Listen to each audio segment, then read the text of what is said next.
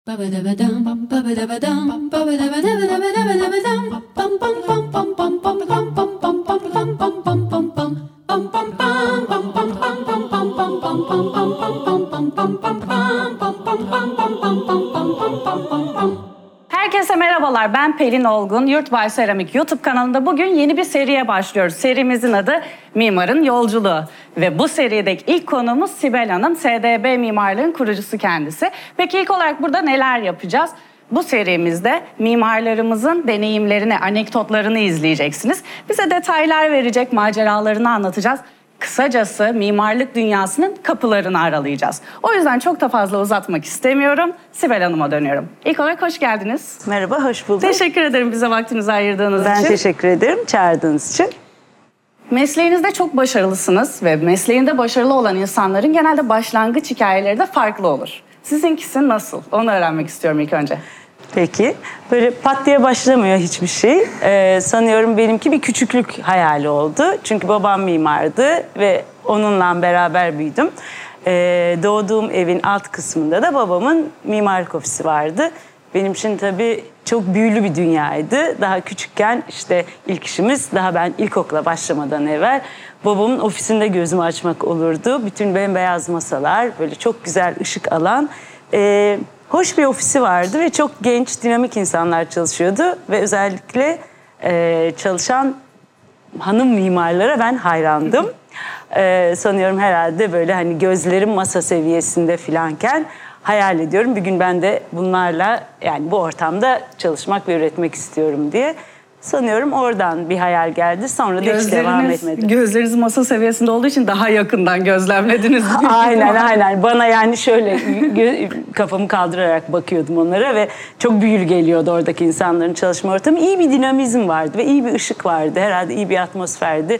Ee, o yüzden böyle e, babamın ofisinden bu hayale yürümeye karar vermiştim. Hiç de değiştirmedim. Bilmiyorum doğru mu yaptım yanlış mı ama bugün buradayım. Aynı zamanda ODTÜ mezunusunuz. mezunuyum, Fakat eğitim görürken bir taraftan da evinizde de eğitim görüyordunuz. Hatta belki de çalışıyordunuz değil mi babanızla? Evet esasında Nasıl güç. bir deneyimdi? Şöyle e, tabii babamın e, yani babamla beraber oturuyordum e, ODTÜ mimarlık eğitim esnasında. E, ama onun aldığı mimarlık eğitimine göre e, Orta Doğu Mimarlık Fakültesi'nde çok daha yenilikçi, çok daha farklı o günün e, koşullarına uygun e, bir mimarlık eğitimi sürüyordu ve e, büyük bir ihtimalle bu aramızda böyle tatlı bir şeye neden oluyordu. Tatlı bir gerginlik de olabilir veya bizim yaptıklarımızı babam niye bunlarla uğraşıyorsunuz diyordu. O zaman onların tabii almış olduğu eğitim sisteminden çok farklı doğrultuda bir eğitim aldık ve esasında süreç içerisinde de ben almış olduğumuz eğitimi de çok olumlu bulurum.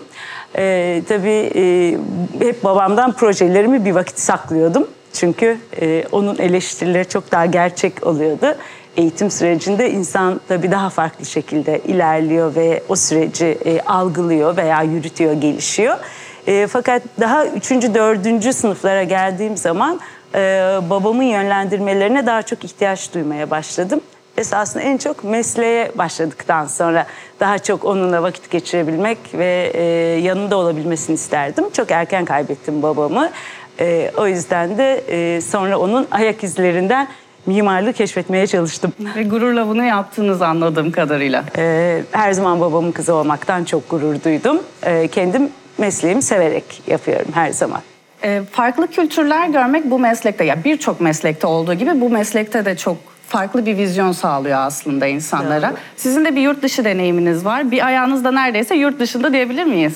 Şöyle e, yurt dışında sürekli yaşadığım bir dönem oldu. O da bir üç sene. Yani mezuniyetimden sonra, Mimarlık Fakültesinden mezuniyetimden bir sene sonra yurt dışında yaşadık. O ilk benim mesleğe e, adım atmamda esasında bir eşikti. Çünkü e, çok farklı bir çevreye gidiyorsunuz. Farklı bir kültür. E, doğal olarak orada mimari çevreyi de tanımıyorsunuz. Ee, biraz zorlansam da bazı kapılar açabilme fırsatım oldu ve e, esasında büyük bir cesaret de istiyor. Hiç tanımadığınız bir kültürde, farklı bir dilde mesleği icra etmeye çalışmak. Ee, zaten bir Fransızca eğitimim vardı. Onun için İsviçre'de e, Fransızca konuşabiliyor olmamın büyük bir yararı oldu. Ee, orada öğrendiğim birkaç e, şeyi bakış açısını hiçbir zaman unutmadım. Ee, o yüzden şanslı olduğumu düşünüyorum. Mesleğe atılır atılmaz yurt dışında e, bir başka ofislerde çalışabilme olanağı çok kıymetli. Ee, sonra Türkiye'de hep mesleğimi e, devam ettirdim ama yurt dışı projelerim oldu. Yurt dışına yani fırsat oldukça çok gitmeye çalışıyorum. Pandemi belki biraz bizi kısıtladı. Ee, ama geçen hafta e, bir kuzey ülkesindeydim, Finlandiya'daydım ve e, tekrar ne kadar farklı kültürleri, farklı coğrafyaları görmeye, tanımaya e, ihtiyacımız olduğunu ve özlediğimi fark ettim. Yaratıcılıkta da gerçekten farklı kültürleri görmek çok işe yarıyor bence. Vizyonunuzu geliştiriyor en başta. Tabii her zaman insan hem kendi içinde doğduğu, büyüdüğü kültürden çok besleniyor hem de tüm dünya kültürlerinden evet besleniyor. Haklısınız. Ee, 95 senesinde de SDB mimarlığı kurdunuz. Bu Evet. kuruluşun hikayesi nedir onu öğrenmek istiyorum. Okey. Um, ben de tam hatırlamıyorum da desem büyük bir ihtimalle şöyle olmuştur şirketimi kurmam. Ee, bir proje gelmiştir ve ben de o proje yaparken e, vergi mükellifi olmuşumdur. Yani bir e, kurum olmam gerekmiştir ve muhasebecimiz oldu. İşte fatura kesmeye başladık. Bunlar esasında mimar olmayı hayal ederken hiç düşündüğümüz veya kafa yorduğumuz prosedürler değildi. Mimar olurken çok idealist e, oluyorsunuz. E, proje yapmak, proje üretmek, yapı yapmak, tasarlamak çok önemli oluyor. Fakat sonra gerçek hayatla karşılaştığınız zaman bunu yapabilmek için de evet sizin bir firmanız, bir e, temsiliyetiniz, bir şirketiniz olması gerekiyor. E, çok önemli değildi o zaman. Zaten bununla ilgili bir eğitim falan da almamıştık. Sadece gerekli prosedür neyse biz onu düzgün olarak yapalım istiyorduk. E, ve süreç içerisinde de gayet güzel de öğrendik nasıl yapılacağını. Birçok tasarıma da imza attınız mimarlık ve iç mimarlık olarak. Evet. Merak ettiğim şey de şu. Odak noktanız nedir? Odak noktası esasında proje süreci için herhalde söylüyorsunuz. Odak noktası projeyi iyi anlamak ve e, iyi anlayıp çözmeye başladıktan sonraki süreçleri de tüm etapları doğru bir şekilde e, yönetebilmek. E, ve e, bu süreçler ancak sizin gerçekten çabanızla olabiliyor. Yani projenin sonra eğer inşaata dönüşüyorsa yani yapı veya yaptığınız tasarım e, hayata geçiyorsa e, bütün bu süreçlerde e, elinize o projenin üzerinden asla çekmemek. Tamam geldi bundan sonrasını hani çözülür diye hiç bırakmamak. Hatta yani sizin işverenin e, o mekanı veya o tasarımı kullanacağı zamana kadar e, sizin bir yavrunuzmuş gibi onu o noktaya taşımak. Hatta sonrasında da o, bağ kopmuyor. Yani bir projeyi tamamladığınız zaman sonra iki sene sonra veya daha farklı zaman süreçleri içerisinde farklı ihtiyaçlar gelebiliyor. Gene işverenden veya o yaptığınız projeyle ilgili. O proje genelde yaşayabiliyor. Zaten öyle olması da güzel oluyor. Çünkü evet aynen gene orada bir yenilenme yapılacaksa, yeni bir ihtiyaç doğduysa tasarımda bir değişiklik gerekliliği oluşmuşsa burada gene sizin yapmanız tabii iyi oluyor. Sahip çıkıyorsunuz projenize tüm süreçte. Bir bebeği büyütmek gibi bir şey aslında. Evet, Sonra böyle esasında evet, elinizden evet. uçuyor gidiyor ama arada bir anne evine de geri dönüyor. Okey peki. Kurumsal tasarımları da imza attınız. Kurumsal dendiğinde bende böyle bir ciddiyetlik geliyor. Değil mi? Yani hem o mimarinin dokularını koruyacaksınız hem de müşterinizin istediklerini yapacaksınız. Hem ciddi olacaksınız hem biraz daha softlaşmanız gerekecek. Belki bu dengeyi nasıl kuruyorsunuz? Yani esasında ben bir denge insanıyım. Ee, o yüzden bunu e, bunu hep iyi yaptığımı düşünüyorum yani bu tip projelerde. Ee, kurumsallığa da biraz meraklı bir insandım. Şimdi artık eskisi gibi değilim. Ee, ben de daha rahatladım süreç içerisinde. Kurumsal projelerde e, bu süreç içerisinde ben de daha biraz daha kurumsallığın getirdiği o ciddiyete ve ağırlığı e, daha e, keyifle yapmaya başladım öyle söyleyeyim. Zaten dünya da biraz değişti. Yani mesela şimdi geçen sene başladığımız ve şu anda da sürdürdüğümüz e, büyük bir finans kurumuyla bir projemiz var. Böyle beş tane projeye yürüdük.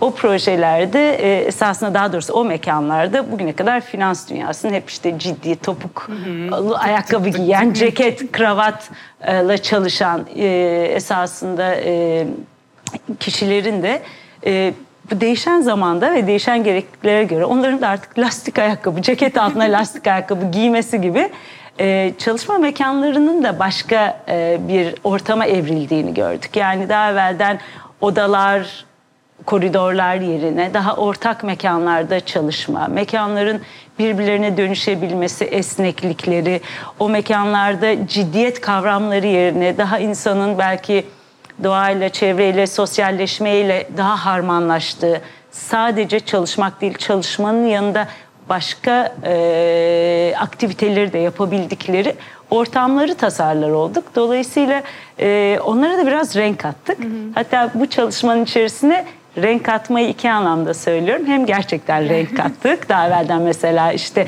mavi ve beyaz olan şeye biz farklı mevsimlerin renklerini de katabildik. E, hem de mekanların kalitesine tabii bir anlamda e, tasarım e, boyutuyla renk katabildik. Öyle oluyor. Onlar da eğer bunu beğeniyorlarsa ki genelde öyle oluyor. Hı hı. Çünkü ilk başta daha e, belki konservatif tutucu bir gözle bakan e, işverenler esasında siz onlara daha farklı ve gene onların ihtiyacına cevap verecek ama daha dinamik mekanlar verdiğiniz zaman onlar da çok mutlu olabiliyorlar. Eskiden ee, kullanışa belki o kadar fazla önem verilmiyordu şimdiki gibi bence. Gösteri daha güzeldi işte güzel gözüksün, düz olsun ve bir kimlik yansıtsın. Ama şimdi bence zamanın değişmesiyle birlikte kullanım alanları da çok farklılaştı. O yüzden buna dikkat ediyor olmanız sizin karakter özelliğinizden dolayı bence dengeyi bulmanızı evet. sağladı. Belki şöyle de oluyordu. Belki fonksiyon her zaman çok gereklikti ama fonksiyon gerekliliklerinin belki tanımları değişti demek daha doğru. Ee, o tamamıyla bir tasarım yaklaşımı. Ee, her zaman o dönemin ihtiyacına bence e, yapılan e, proje cevap vermesi lazım. Cevap ne kadar iyi cevap verirse o kadar daha e, olumlu bir geri dönüş alınır. Daha sağlıklı ve başarılı bir proje gerçekleşir. E, görsellik tabii bir yere kadar e, ama o, o boyutu da Tabii ki bunun dışında evet, göz ardı etmemek e, evet, göz ardı etmek lazım. Onlar da farklı e, tabii e, işte iyi aydınlatılması, iyi havalanması, eğer e, işte bulunduğu çevreyle iyi bir ilişkide olması, yapınızın, mekanınızın, tasarımınızın ve ihtiyaçlara doğru cevap vermesi gibi birçok faktör girebiliyor. Değişimden bahsettik. Hı. Seramik de bence son zamanlarda çok daha farklı alanlarda kullanılmaya başlandı. Önceden seramik dediğimizde ben nedense sadece yer gelirdi aklıma. Şimdi duvarda görüyorum, masada görüyorum, tavanda görüyorum. Bunun hakkında ne düşünüyorsunuz? Esasında seramik e, çok e, uzun senelerden beri yapı sektöründe e, temel malzemelerden biri. Tabii gelişen teknolojiler seramiğin çok farklı ve yeni teknolojilerle daha büyük ebatlarda daha farklı sır teknikleriyle çok çeşitli geometrilerle hatta seramiği e, bakıyorsunuz bu doğal taş mı yoksa bir hani evet. seramik mi dediğiniz noktalar bile olabiliyor. E, çok bambaşka bir dünya kuruldu seramik üzerine ve çok da e, iyi üretimler yapılıyor ki Yurtbay'da bunlardan biri. E, e, ve sanıyorum hani birçok mimarın projelerinde e, kimi zaman ağırlıklı, kimi zaman belirli yerlerde kullandığı bir malzeme ve kaplama malzemesi ve bunun aynen ben de sizin gibi düşünürüm. E, duvarı, tavanı, zemini yok. Evet. Nerede ihtiyacı o tasarımınızla bağdaştırıp bütünleştiriyorsanız ona göre kullanılması doğru oluyor. Peki kullanım alanları olarak ne söylersiniz? Mesela ben şimdi yeni bir eve taşındım. Bir duvarım var televizyonun arkasında. Evet. Bomboş bir duvar. Duvar kağıdımı yapsam diye düşündüm. İşte duvar panelimi yapsam diye. Çok da meraklıyımdır böyle şeyleri. Kendim yapmak isterim. En son gerçekten Yurtbay Seramik'in internet sitesine gittim ve seramik seçtim. Ama herkes bana dedi ki hayır televizyonun arkasında seramik kullanılmaz. Bence kullanılır. Siz ne diyorsunuz? Kullanılır. Bir, bir bilene sormam lazım şu an. Ee, o tamamıyla tercihinize bağlı. Ee, şöyle her şey her yerde kullanılabilir. Yeter ki siz doğru e, kullanabilin onu o mekanda. E, şimdi hatta Yurtbay'ın e, böyle enteresan geometride bazı Evet. e, şeyleri var. E, seramik malzemeleri var. Hatta bir altıgenler var. Ben onları çok seviyorum. Onlar böyle model olarak dağıldığı zaman çok güzel bir tekstür ve pattern oluşturuyorlar ve boyutları da e, iyi bir ölçekte tasarlanmış. Canınız ne istiyorsa onu yapın. Buyurun kullanın. Çok rahatladım. Çok teşekkür ederim. Hmm, bu söyleşimizi izleyecek birçok genç arkadaşımız da olacaktır. Mimarlığa merak sarmış, belki okumak isteyen. Onlar için ne önerirsiniz? Ee, ne öneririm? Ee, bu kolay bir soru değil. Ee, nasihat vermek de öyle çok zor. Ee, herkes kendi içinde e, istediği ve merak ettiği yöne doğru mutlaka yürüyecek. Tabii e, olanaklar da çok önemli. Eğer bu mesleğe, tasarım mesleğine veya mimarlığa doğru yürümek istiyorlarsa e, bunu sevmeleri önemli. E, epey çaba isteyen bir e, süreç çünkü hem eğitim hem sonraki süreç. Onun için severek yapıldığı zaman e, çok daha e, önünüzde karşılaştığınız zorlukları daha rahat aşabilme e, yetiniz oluyor. Ancak bunu söylerim. Sevin, seviyorsanız merak temelinde. edersiniz. Daha fazla araştırırsınız, zaman verirsiniz. Hep öyledir. Evet. Ve İlginiz ve evet ve geliştirirsiniz. Evet. evet. Yurtbay Seramik aynı zamanda yıllardır e, Zeki Yurtbay'ın da adını taşıyan Zeki Yurtbay Tasarım Ödülleri'ni e, sunuyor ve gençlerimiz üzerinden. Sizce bunun nasıl faydası var gençlere? Bir şey ödüllendiriliyor. Bu avantajdır değil mi? Tabii ki. Ee, ya- yapı sektöründe öndeki e, önemli firmaların esasında e, mimarlık e, hayatına adım atacak olan gençlere böyle bir e, destek veriyor olması, bu desteği bir yarışma e, modelinde yapması ve o dönemin ihtiyaçlarına veya sorunlarına, gerekliliklerine bir anlamda bir e, şey tutması, ışık tutması ve e, tasarım aracılığıyla bu problemlere, bu ihtiyaçlara nasıl cevap verilir e, gençlere üzerinden e, üretilmesi, hayaller kurduruyor olması çok kıymetli. E, sanıyorum Yurtbay Seramik'in bu ödüllerinde hatta tasarım ve onunla ilişkili diğer disiplinlerin de e, bir araya gelebildiği e, gruplar bir arada üretebiliyor ki bu da çok kıymetli. Yani sadece mimarlık ve tasarım okuyan e, öğrencilerin dışında mesela görsel sanatlar da girebiliyor, peyzaj girebiliyor. Bu disiplinler arası e, üretim ve fikirlerin paylaşılması ve oradan e, projelere yürünmesi çok kıymetli. E, bu altlığı ve bu zemini de oluşturuyor sanıyorum e, bu yarışmanın e, e, konusu. E, bunu çok kıymetli buluyorum. E, çünkü gelecek kuşaklara siz bir ışık tutuyorsunuz, destek oluyorsunuz ve e, iyi yapılan e, bir, bir şeylerin sonuçta e, ödülünü veriyorsunuz. Bence çok çok kıymetli. Hele genç yaşlarda e, bunları başarıyor olmak bence e, genç meslektaşları da çok motive ediyor olmalı. Özellikle genç tasarımcılar Evet. için bence çok daha önemlidir. Tabii ki. Çünkü farklı bir şey yapmaya çalışıyorsunuz orada. Kendinizi Tabii. farklı bir şekilde temsil ediyorsunuz. Ondan sonra belki apayrı bir vizyonunuz olacak ve hayatınıza yön verecek. Bence çok Evet. önemli. Aynen çok kıymetli. Ve ateşleyici de bir güç bir yerde. Her zaman her zaman. Gelelim şehirlere. Her şehir büyük ihtimalle her insanda farklı şeyler uyandırır, farklı duygular uyandırır.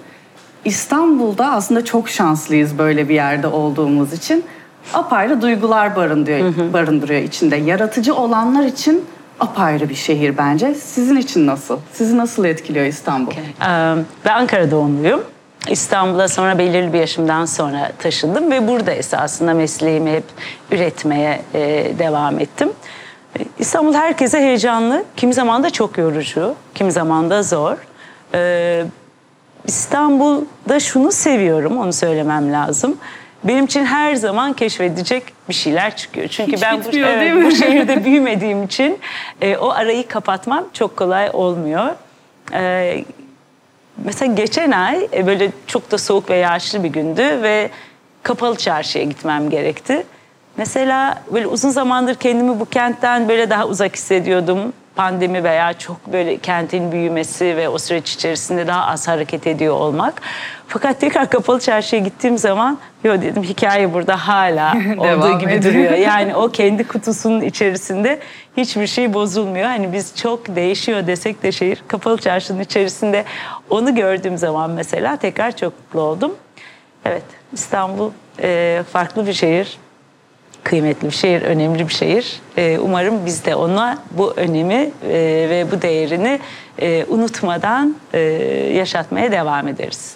Umarım o da bizi unutmadan bize esin kaynağı olmaya devam eder. Şu an üzerinde çalıştığınız projeleriniz var mı peki? Birazından bahsettiniz. Ee, şu anda gene konut ve ofis projelerim var.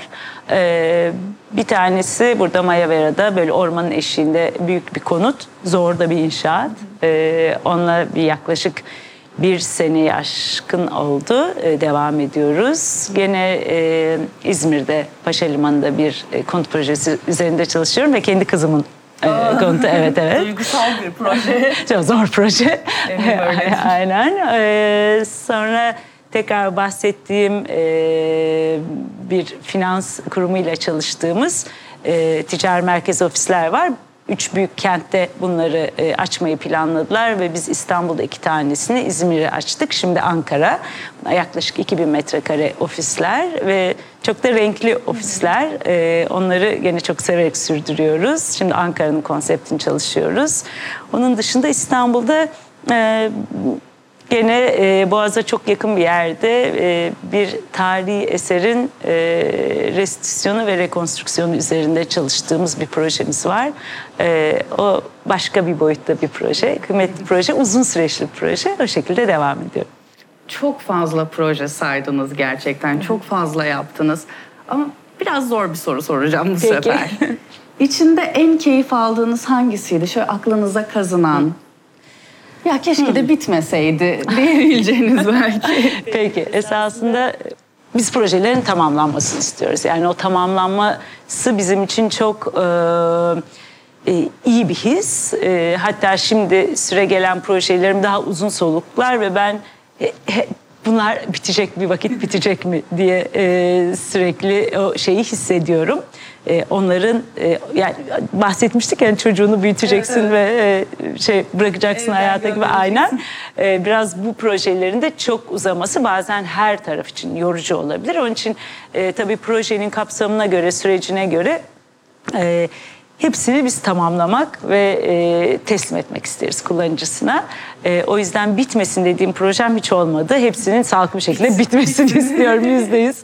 E, Ama içerisinde tabii çalışırken Geriye döndüğünüz zaman çok keyifli zamanlar geçirmiş olduğunuzu fark ettiğiniz projeleriniz var. Genelde proje bir kendi stresiyle gelir çünkü bir zaman kısıtlaması var. Ve o zaman kısıtlaması içerisinde işverenin sizden beklentileri var. Bir ekiple çalışıyorsunuz. Herkesin her şeyi koordineli ve birbirleriyle senkronize yapması gerekiyor. Bunlar çok kolay olmuyor tasarımın e, yanı sıra. Ee, sanıyorum pandemi esnasında başlayan e, bu son projemiz en, en yakından bahsedeyim. Bu ofisler e, esasında onda biz epey eğlendik öyle söyleyeyim. Hiç bu kadar hani ekranların arkasından böyle haftada bir workshop yaparak hani bir araya gelerek sonra dağılarak böyle bir projenin altından kalkabileceğimizi düşünmüyorduk. Fakat o kadar o sırada sıkılmıştık ki böyle e, gerçekten renkli ve e, keyifli, dinamik bir e, proje yapalım dedik ve gerçekten de öyle. Buna da e, ihtiyacınız var. Öyle sonuçlandı. Hem kullanıcılar memnun hem biz mutluyuz. Ee, onun dışında her projem kendisine özgü. Hepsini seviyorum. Hele e, işi yaptığım ekipler ve de beraber çalıştığımız işverenlerle bunu uyumlu bir şekilde yürütebildiysek hepsi çok kıymetli oluyor ve güzel dostluklara da dönüşebiliyor sonra. Mutlaka hepsinin bir stresi vardır ama ekstra ekstra stres olmayınca insan daha bir rahat ediyor değil mi? Tabii ki ki o genelde ekstra bizim- stresin neler olduğunu siz daha Genelde bizim meslekte fazlasıyla oluyor Değil onu mi? söyleyebilirim. Bazen Evet. insan anlamak çok zor oluyor. İnsan taleplerini Evet, evet, anlamak. O yüzden Evet, doğru. benim için stresli bir iştir mesela. iş olurdu büyük ihtimalle. Size ilham kaynağı olan mimarları veya mimari yapıları merak ediyorum. Şimdi tabii e, yani uzun zamandır mimarlık yapıyorum. E, mesleğe başladığım ya da yani okuduğum dönemlerde başlayarak bugüne kadar çok çok değerli mimarlardan hani takip ettik, etkilendik. E, ama son dönemde e, çok beğendim bir mimar daha doğrusu e, daha farklı bakmaya başladığım bir dönem var ve orada da e, kuzey ülkelerindeki bazı projeler benim epey ilgimi çekiyor. Dorte Mandrap diye bir e, mimar var, e, Danimarkalı. Ben de bir üç sene evvel e, orada bir sergideyken daha detaylı bakma fırsatım oldu projelerine. Mesela onun yaptığı projelere ve o projelerin konularına mesela büyük bir hayranlık duyuyorum. Bunun gibi çok örnek var e, dünyada. E, bizim ülkemizde de var, daha az da olsa gene de var. Mesela e, işte iş merkezleri, oteller e, veya sadece müzeler hani bizde daha belirli konularda projeler üretiliyor e, ülkemizde. Hele İstanbul gibi bir metropolde hani konut, ofis, iş merkezi, AVM hani hastane ağırlıklı hep bu konular üzerinde bir üretimi daha fazla görüyoruz. Oysa orada mesela e, işte Kuzey Kutbu'na çok yakın bir yerde e, diyelim balinaların göç e, alanlarına çok yakın bir yerde doğal yaşamı bir izleme noktası yapıyorlar ve bunu çok böyle doğayı bozmadan e, orada e, ve belki de bir bu bir yarışma esasında. Mesela bir işte balinanın işte denizden çıktığı zaman o gövdesini e, hissettiren böyle o coğrafyanın üstünde öyle bir kabuk ve onun içerisinden siz gerçekten e, vahşi doğanın e, ve o göçü yapan işte e, su altı dünyasını izleyebildiğiniz bir nokta mesela çok kıymetli. Gene böyle bir e, bir projesi daha var o da çok beni etkilemişti. Gene böyle e, Kuzey Kutbu'na çok yakın. Hep unutuyorum oranın tam ismini. E, bu da bir ziyaretçi merkezi mesela ve e, bulunduğu coğrafyadan siz o büyük buz kütlelerini seyredebiliyorsunuz. Böyle gene doğaya çok hafifçe oturmuş hatta altından vahşi doğanın E, devam edebildiği böyle basit çelik bir konstrüksiyondan e, bir e, visitor center kendisi buna bir e, işte vahşi doğada sığındığınız bir yer diyor ve orada hem e, iklim üzerine araştırmalar yapıyorlar hem eğitimler var belki sergiler yapıyorlar ve e, kuzeyde mesela ışıklar çok farklı. E, yani gündüz ve gece bizim alıştığımız bu enlem ve boylamda yaşadığımız e, gündüz geceden daha farklı seyrediyor. Mesela işte gece güneşi olabiliyor orada ya da bütün yaz boyunca işte karanlık olmuyor ama e, kışın ise aydınlığı daha az görüyorsunuz. Onun için bütün bu ışıkları, doğayı e, ve o iklimde ve yeryüzünün o noktasında olmayı hissedebildiğiniz bir yapı. Mesela bunlar bana çok enteresan geliyor ve yaptığı işleri de çok beğeniyorum. Bunun gibi hani bir örnek olarak verdim. Daha çok şu anda etkilendiğim yapılar böyle daha e, kentteki yapıların tabii ki daha kamusal yapılar daha çok ilgimi çekiyor. Çünkü çok e, sürekli neye tam gerçekten e, amaca hizmet ettiğini anlayamadığım yapılar silsilesinden evet biraz böyle e, başka tür e, insanlık ve doğa adına başka tür hizmetler veren yapılarla daha fazla ilgileniyorum. Pandeminin de bence biraz bunda etkisi oldu. Çünkü hepimiz doğaya kaçtık. Geç kaldık. Yani çok geç kaldık bunun için ama zorla doğa bizi kendine çağırdı diyebilirim belki. Yani önceden AVM'ler, AVM'ler herkes oraya giderdi. Şimdi baktığınızda parklar da oluyor.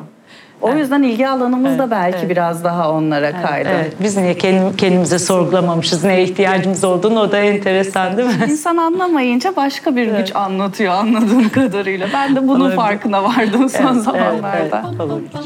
Sibel Hanım, çok teşekkür ederim. Umarım sorularımla sizi zorlamamışımdır. Çok keyifliydi, teşekkür Keyifli ederim. vakit, vakit geçirdim sizinle. Umarım bu sohbetimizden siz de keyif almışsınızdır ve umarım sohbetimizi izleyenler de keyif almıştır. Çok teşekkür ederim. Benim için de çok keyifli ederim. bir sohbetti. Çok teşekkürler tekrar. Bir sonraki Mimarın Yolculuğu programında görüşmek üzere diyoruz.